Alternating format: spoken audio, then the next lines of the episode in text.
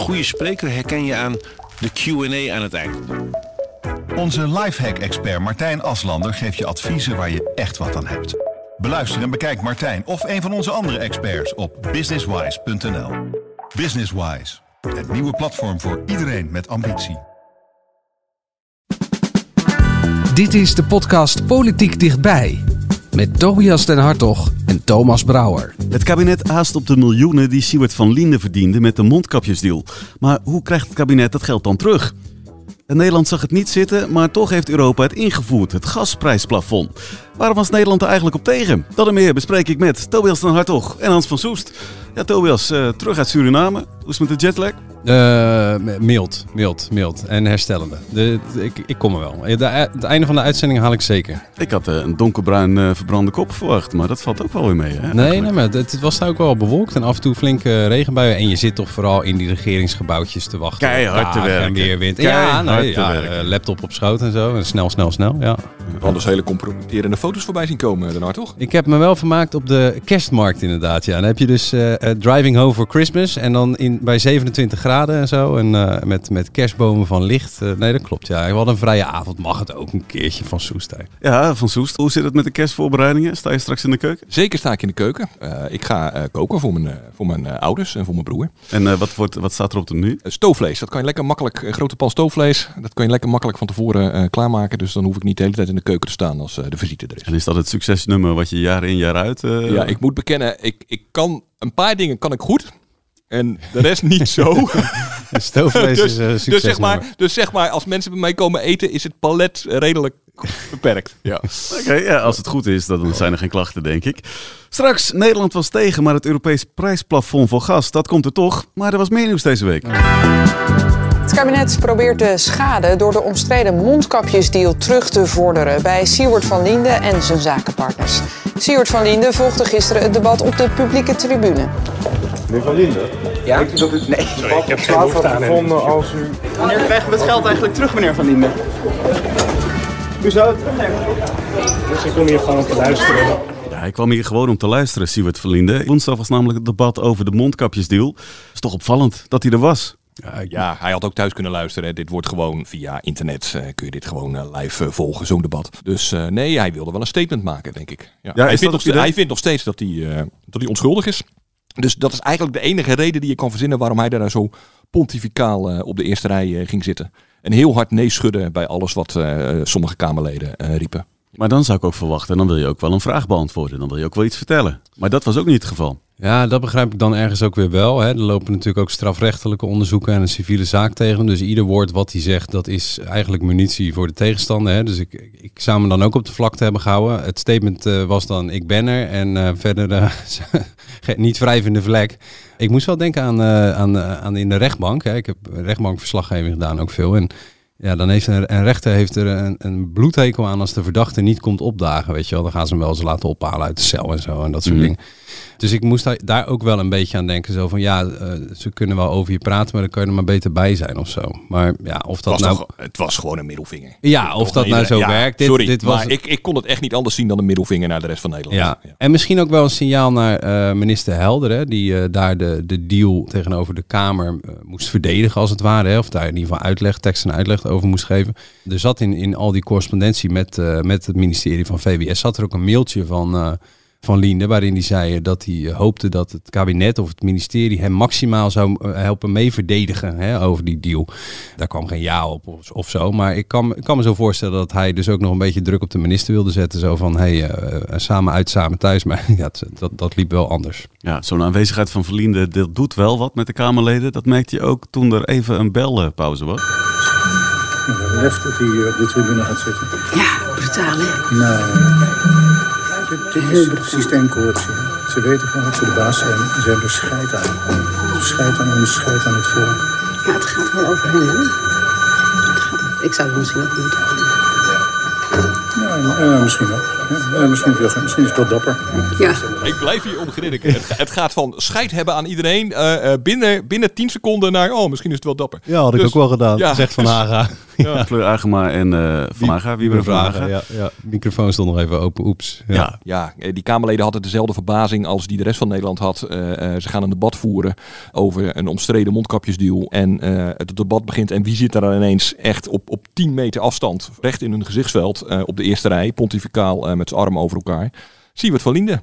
Nou ja, dat kun je brutaal vinden. En je kunt zeggen, nou, ik had het misschien ook wel gedaan, zoals Van Hagen, die overigens ook uh, nog wel eens een deal uh, heeft gehad die omstreden was, hè, uh, in verband met zijn huizen. Dus die, die weet wel een klein beetje hoe het is om in, de, in het verdomme hoekje te zitten. Ja, het zijn net mensen, die Kamerleden. Ja. Ik denk dat het kabinet, wij kunnen die miljoenen van Siewert van Linden wel terugkrijgen. Ja, dat verbaasde me wel een beetje dat minister Helder dat ineens zei. Ze had er een goed gevoel bij, zei ze geloof ik. Um, want tot nu toe was het verhaal eigenlijk van ja, dat, dat lukt niet. Want ja, op zich was er met de deal tussen het ministerie en Van Linde en zijn partners uh, niet heel veel mis juridisch. Uh, ze hebben gewoon mondkapjes verkocht, zoals meerdere bedrijven dat hebben gedaan. Waar de pijn hem in zat, is dat hij naar buiten toe heeft gezegd: ja, maar we doen het allemaal om niets. En daardoor waren er allemaal andere bedrijven die zeiden: nou, dan helpen we je ook gratis. Hè. Kijk, die bedrijven die voelden zich genaaid en die hebben een rechtszaak tegen hem aangespannen. Um, dus ik ben heel benieuwd hoe um, minister Helder denkt die miljoenen terug te krijgen. Ja, er zit wel een koers. Heel, heel Nederland hoopt er wel op natuurlijk. Ja, nou, er zit wel een koerswijziging in. Hè. Je had uh, minister De Jonge die een paar debatten geleden zei dat iets, al, iets in de zin van uh, uh, hij heeft de kluit belazerd of zo, of hij heeft de boer in de maling genomen. Zo'n zo, statement gaf De Jonge. Maar dat bleek tot, dan, tot, tot, dat moment niet echt uit wat het kabinet had vrijgegeven en ook niet hoe ze de deal hadden geapprecieerd. En precies zoals Hans zegt, ja, binnenskamers was eigenlijk wel bekend bij een aantal mensen dat hij, uh, dat hij er geld mee zou gaan verdienen. En ja, dat hij naar buiten toe daarover loog. Ja, dat was eigenlijk niet aan, aan het ministerie van VWS. Maar in dat Deloitte-onderzoek zitten toch ook wel wat verklaringen van betrokkenen die zeggen van ja, wij wisten niet dat hij er geld mee zou uh, verdienen. En het is ook nog steeds niet duidelijk wat precies de marges waren hè, waarop hij de winst zou maken. Dus blijkbaar is bij, bij het ministerie van VWS nu toch het beeld ontstaan van ja, misschien valt er nog wel iets van die kip te plukken. En Helder zegt wel, we wachten eerst het strafrechtelijk onderzoek af en we wachten die civiele zaak af. Hè. Dus ze gaan eigenlijk helemaal achteraan in dat traject zitten. Maar ze heeft wel, uh, zei ze, van die alerts aangezet uh, op het moment dat het dreigt te verjaren bijvoorbeeld. Hè, of dat termijnen dreigen te verstrijken. Dus dat betekent wel dat ze vrij kort op de bal zitten nu ineens. De oppositie die vroeg zich ook vooral af, wie heeft het er nou eigenlijk doorgedrukt? Die wilde mm -hmm. vooral ook minister De Jonge zien. Ja. En die was er niet. En die was ook niet van plan om te komen. Nee, en dit is interessant. Althans vond ik, en daarom vond ik de aanwezigheid van Siewert van Liende zo vreselijk interessant.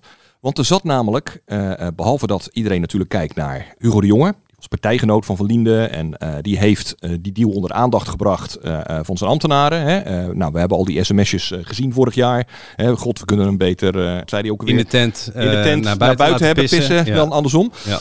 Maar hij was niet de enige CDA die heel hard lobbyde. lobbyde voor die deal.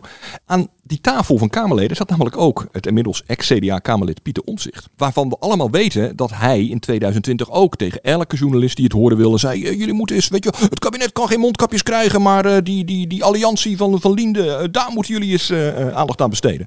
we weten dat hij dat ook heeft gedaan bij ministers. En bij Rutte. En het leuke was dus, en daar heb ik even extra op zitten letten, elke keer als Omtzigt aan het woord was zat Van Linde echt veel meer dan bij andere Kamerleden echt heel theatraal nee te schudden. Zo van, nee jongen, het klopt allemaal niet wat je zegt. Althans, dat suggereerde hij. Ik kan me voorstellen dat sommige Kamerleden dat uh, een, beetje, een beetje vervelend vonden. Hè? Uh, er waren ook Kamerleden die zeiden, eh, moet die man niet gewoon weg van de, van de publieke tribune? Nou ja, dat, dat hoefde niet. Maar het was, ik, ik vond met name op omzicht had ehm, Van Linde het wel een beetje gebeten. En komt omzicht daar dan nog een beetje uit? Want die probeert natuurlijk ook in, in zo'n gesprek die rol misschien wat kleiner te maken. Nou, hij kreeg er eigenlijk amper vragen over. Wat ik ook wel weer vreemd vind, want uh, heel de oppositie uh, richt zijn pijlen op Hugo de Jonge. En dat snap ik heel, heel erg. Maar Pieter Omtzigt laten ze er wel heel makkelijk ja, mee uh, dat... wegkomen. En dat vind ik wel, dat ik denk van, want ze hebben het voortdurend over netwerkcorruptie en partijleden hebben elkaar bevoordeeld. En denk ik, ja, Hallo uh, Tweede Kamer. Overigens, Maarten Heijink zei dat wel van de SP. Hallo, wij hebben zelf ook uh, als Kamer hebben we schuld. Hè. Wij waren degene die tegen, uh, elke dag tegen dat kabinet liep te roepen. Je moet alles kopen, kopen, kopen, kopen, kopen. En wel nu. ja, maar de Kamer heeft natuurlijk ook een enorme pak boter op zijn hoofd. Ja, maar dit tekent gewoon het politiek opportunisme natuurlijk van de Kamer. Hè. Je hebt dan Hugo de Jonge, nou, die, die loopt met een, uh, een vizier op zijn rug. Dus daar is, daar is vrij op te schieten. De, de coalitiepartijen zeggen dan want zo werkt het eenmaal. Ja, we kunnen de jongen hier niet naartoe halen, want we hebben een nieuwe minister van VWS en die is gewoon ministerieel verantwoordelijk. Ja, hij kan hier niet als een privépersoon zijn deal gaan zitten uitleggen. Nou ja, dat is, dat, zo werkt het nu eenmaal, zo werkt het altijd. Dat is best gemankeerd, maar ja, zo gaat het nu eenmaal. Uh, dat heeft met die verantwoordelijkheid te maken. En dan heb je oppositiekamerleden die dan eh, Pieter Omzicht ineens niet meer de tegenstander, maar de medestander hebben. En die laten ze dan ongemoeid. Zo van ja, eh, dat heeft ook met de, de heiligverklaring van Pieter Omzicht te maken. Naar aanleiding van de toeslagenaffaire. Kom niet aan Pieter Omzicht. En zeker niet nu die een van die oppositiekamerleden is.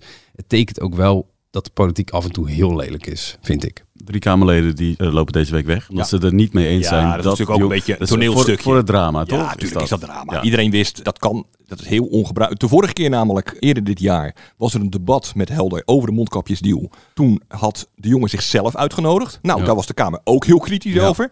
Dus ja, het was wel een beetje theater. Overigens, ik bedoel, ik zei net, de Kamer heeft heel veel boter op zijn hoofd. Dat vind ik ook echt. Tegelijkertijd, de minister is natuurlijk altijd bestuurlijk verantwoordelijk. Straks, eh, premier Rutte maakte deze week excuses voor het slavernijverleden, maar nu is het gasprijsplafond. Maandag werden de EU-landen het namelijk eens over een prijsplafond voor gas. Nederland was tegen die prijscorrectie, maar een meerderheid van de lidstaten stemde voor. Ja, wat houdt dat prijsplafond nou precies in? Ja, dat prijsplafond dat, dat betekent dat we binnen Europa afspreken dat als aanbieders van gas uh, volgend jaar hun gas aanbieden boven een bepaalde prijs, dat landen zeggen nee, doen we niet. Nederland is daar eens op tegen. Uh, daar hadden we altijd steun in, in Duitsland, maar dat is, uh, die is omgegaan. En waarom is dat zo? Dat heeft ermee te maken dat wij onze gasvoorraden moeten vullen voor komende winter. Voor deze winter hebben we de gasvoorraden kunnen vullen. Hè. We moeten allemaal onze huizen verwarmen. We zijn nog lang niet van het gas af. we hebben lang niet al die huizen nog geïsoleerd. Alleen die voorraden hebben we nog kunnen vullen voor een groot deel met Russisch gas. Dat kan niet meer. Dus we moeten dat gas nu van elders halen. Nou ja, dat is hartstikke moeilijk, want heel de wereld wil gas hebben. Uh, China, India, echt alle landen is gas en er is veel te weinig. Dus we moeten tegen andere landen opbieden.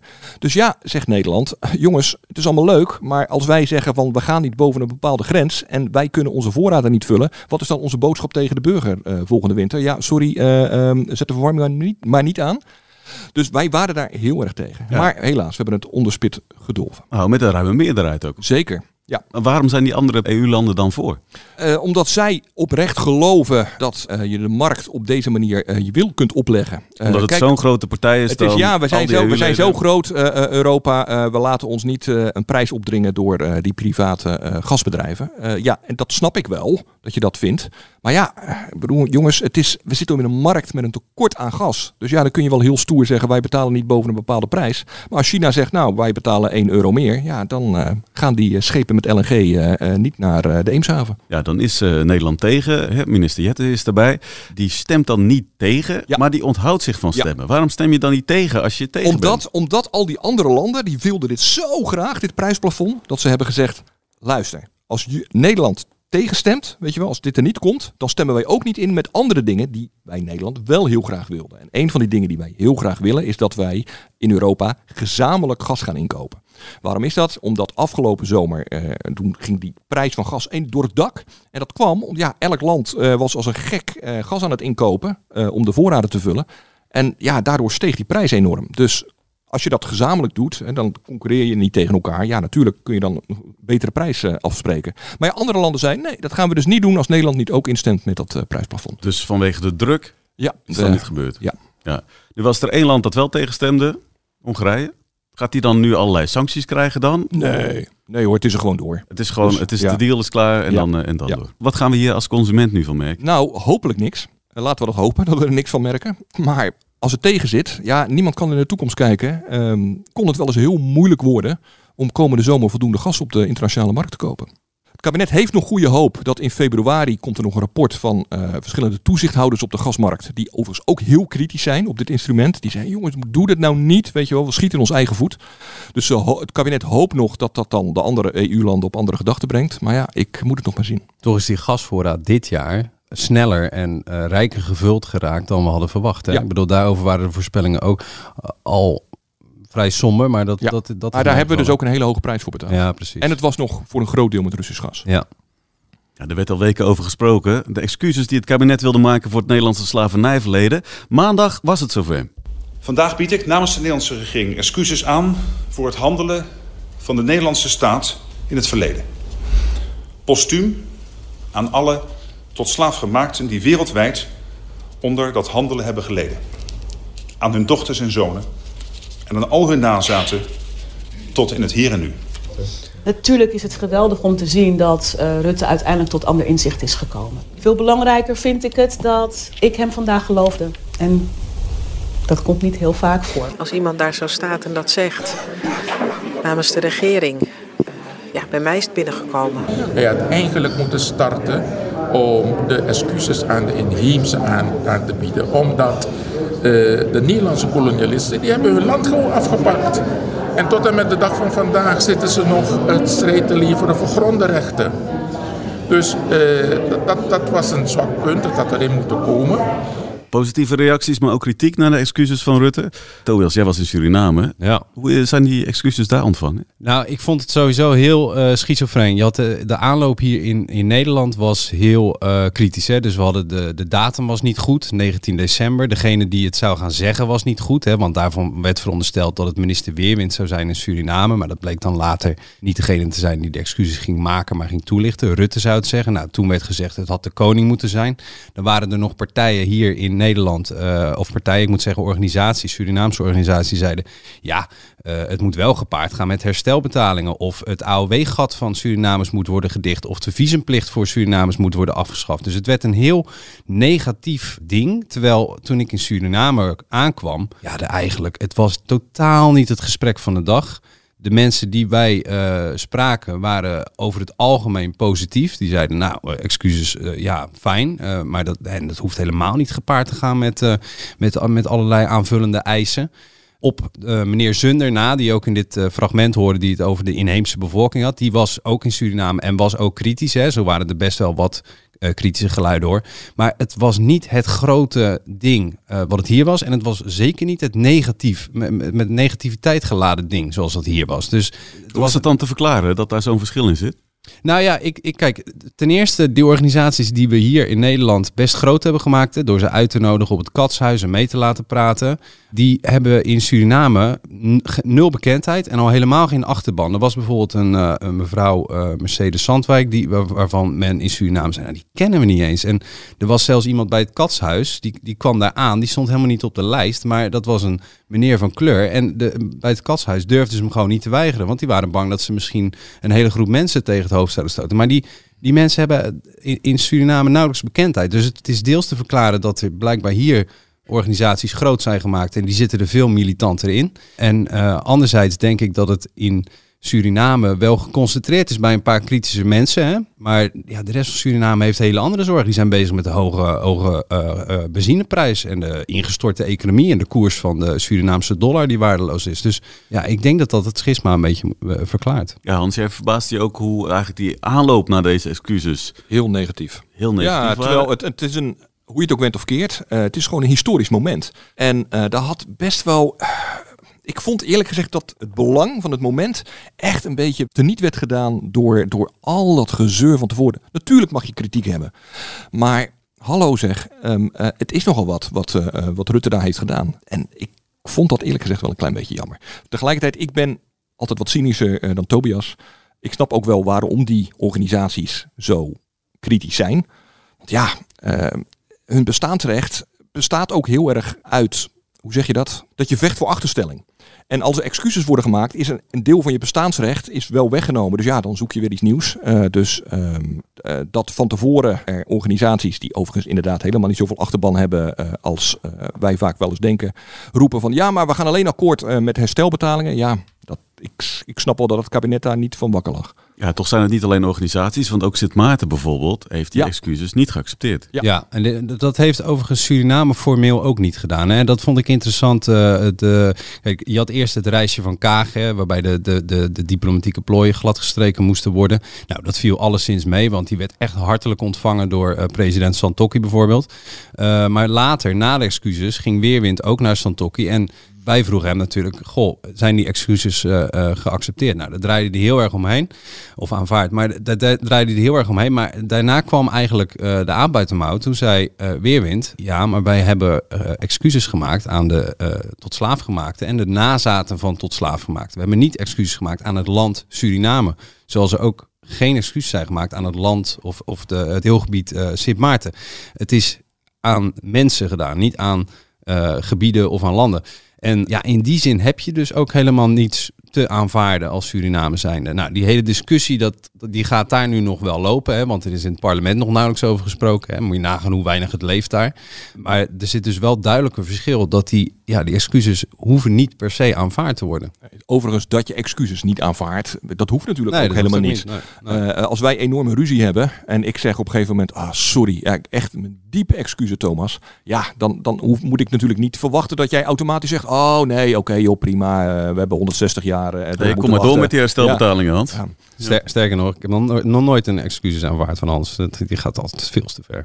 Maar goed, eh, Rutte zegt, uh, ik zet een komma, ik zet geen punt. Dit gaat natuurlijk nog wel verder. Zeker. Uh, nou ja, om te beginnen, er is een fonds opgericht van 200 miljoen euro. Daarover gaan ze nu in gesprek.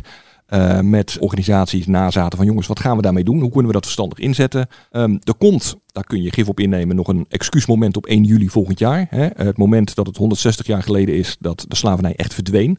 Uh, nee, ik zeg het verkeerd. Ja, 160 jaar geleden werd het afgeschaft en 150 jaar geleden verdween het. Want we hadden nog een soort van raar overgangsregime van 10 jaar. Want ja, ja, ach, ach, die arme plantagehouders.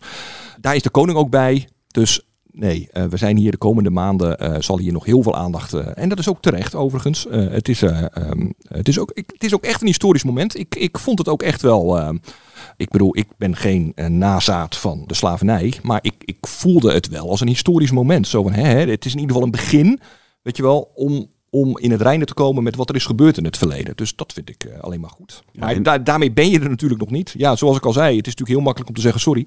Maar um, uh, ja. in interviews na, na, dit, uh, na die excuses was het ook wel een beetje emotioneel leek het. Hij heeft altijd gezegd, ja, excuses, wat betekent dat nu mm -hmm. nog? Het is... Hij heeft daar een reis in doorgemaakt, ja. zegt hij dan. Ja. ja. Ja. nou dat is toch alleen maar te prijzen. Ik vind, je mag toch van een politicus toch ook wel verwachten dat je voortschrijdend inzicht hebt. Dat is toch alleen maar goed.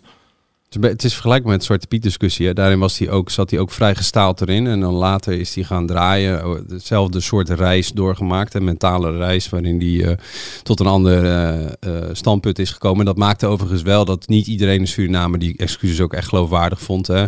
Uh, toch een beetje de nasmaak van ja, wordt hij er nu toe gedwongen, meent hij dat wel. Maar ja, uh, aan de andere kant, uh, het was niet een excuses met enig voorbehoud. Hè. De, de werd bijvoorbeeld in het fragment wel gezegd, de inheemse bevolking van Suriname is niet genoemd. Nou ja, dat was dan een klacht, maar de, de, ik heb geen klachten gehoord over dit is niet compleet genoeg geweest of, of diep, diep genoeg of niet diep genoeg gevoeld geweest. Dus ja, ik denk dat, dat er wel veel in zat.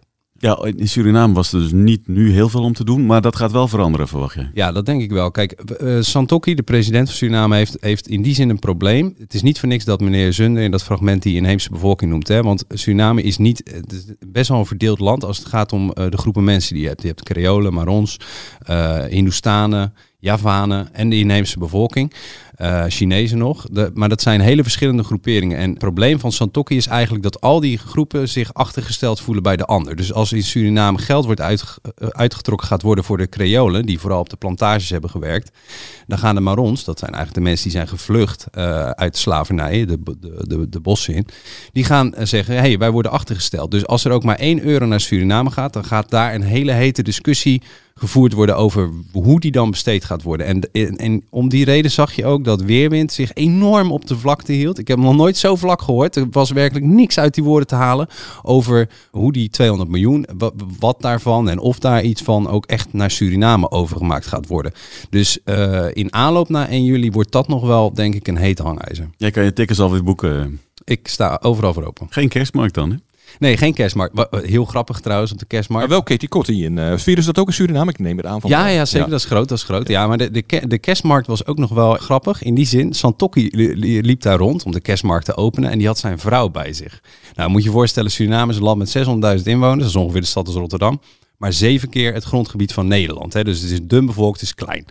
Uh, Santokki liep daar rond met zijn vrouw. En die uh, had een hele crew bij zich. En die hadden allemaal t-shirts aan met uh, mediateam van de First Lady.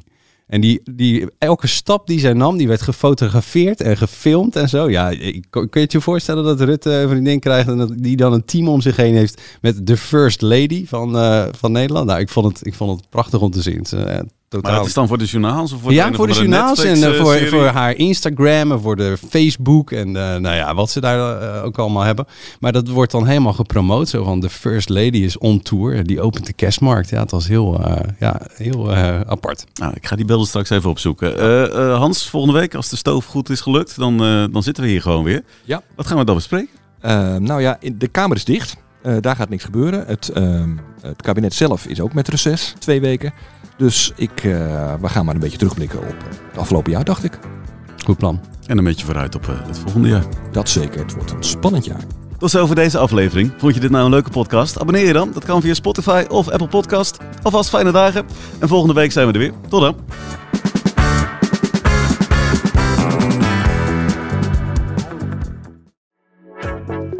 Een goede spreker herken je aan de Q&A aan het eind.